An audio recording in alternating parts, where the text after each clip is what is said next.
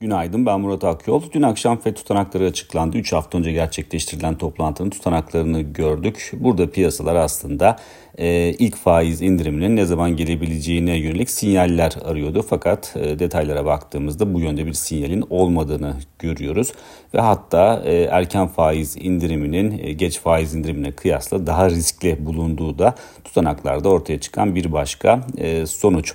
Bugün de ECB tutanaklarını takip edeceğiz ama tarihsel olarak baktığımızda ECB tutanaklarından zaten çok e, yeni bir mesaj, yeni bir bilgi çıkmıyor. Dolayısıyla etki derecesi limitli kalacaktır e, diye e, düşünüyoruz. İçeride ise Merkez Bankası'nın toplantısı takip edilecek bugün.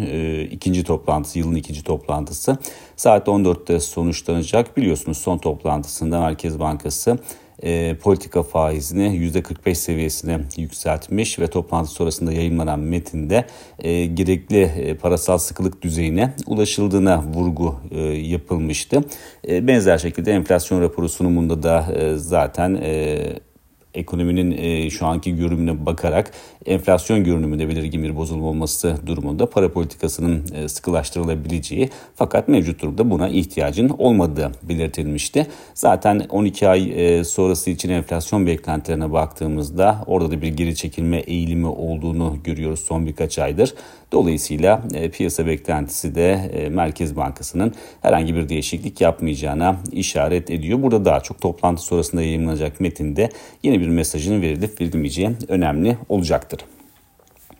Piyasalara döndüğümüzde ise e, dolar TL kurunda hafif yukarı yönlü eğilim devam ediyor. E, dün de e, dolar TL kuru 31 seviyesinin üzerine test etmeye başladı. Böylece e, Şubat ayı içinde gerçekleşen e, yükseliş %2'yi aşmış durumda. E, tabii ki e, gelişmekte olan ülke para birimleri ortalamasıyla kıyasladığımızda bu rakamın aslında biraz e, yüksek olduğunu 0.75'lik ortalamaya kıyasla e, yüksek olduğunu söyleyebiliriz. E, makroekonomik veri tarafında ise tüketici güven endeksi e, açıklandı. Orada da e, önceki aya kıyasla bir düşüş gerçekleşti. 80.4'ten 79.3 seviyesinde geriledi endeks. Biliyorsunuz burada e, yüzden e, küçük olması endeksin ekonomiye dair, e, beklentilere dair kötümser durumu yansıtıyor. Borsa İstanbul'da ise dün e, yukarı yönlü eğilimin ilk etapta devam ettiğini ve endeksin 9400 puan sınırına yaklaştığını gördük ama burada kalıcı olmayı başaramadı endeks ve günü de zaten eksi bölgede noktaladı.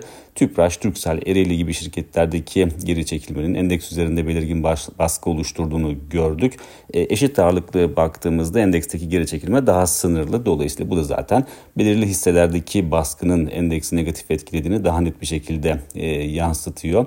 Teknik açıdan değerlendirmek gerekirse e, endeks zaten aşırı alım bölgesinde bulunuyor uzun süredir.